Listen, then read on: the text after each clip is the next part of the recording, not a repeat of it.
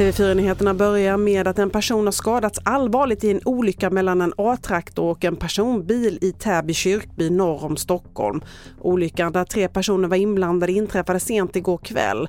Två fick föras till sjukhus efter olyckan, den ena med ambulanshelikopter. Och polisen utreder olyckan som rattfylleri men det är i nuläget oklart vilken av förarna som misstänks.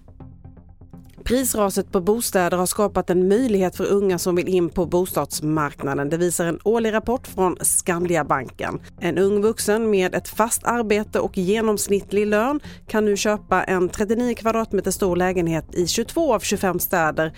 Men det finns orosmoln inför framtiden. Det finns en baksida och det är ju att bostadsbyggandet har minskat väldigt kraftigt.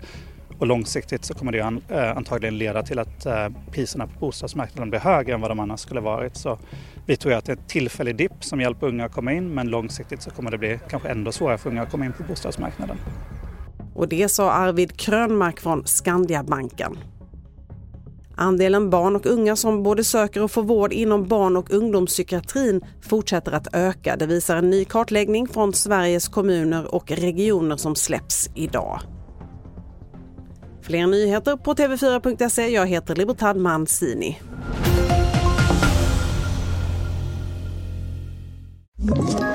Ett poddtips från Podplay.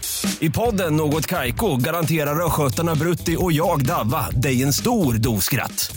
Där följer jag pladask för köttätandet igen. Man är lite som en jävla vampyr. Man har fått lite blodsmak och då måste man ha mer. Udda spaningar, fängslande anekdoter och en och annan arg rant. Jag måste ha mitt kaffe på morgonen för annars är jag ingen trevlig människa. Då är du ingen trevlig människa, punkt. Något Kaiko, hör du på Podplay. Därför arkadeinerna.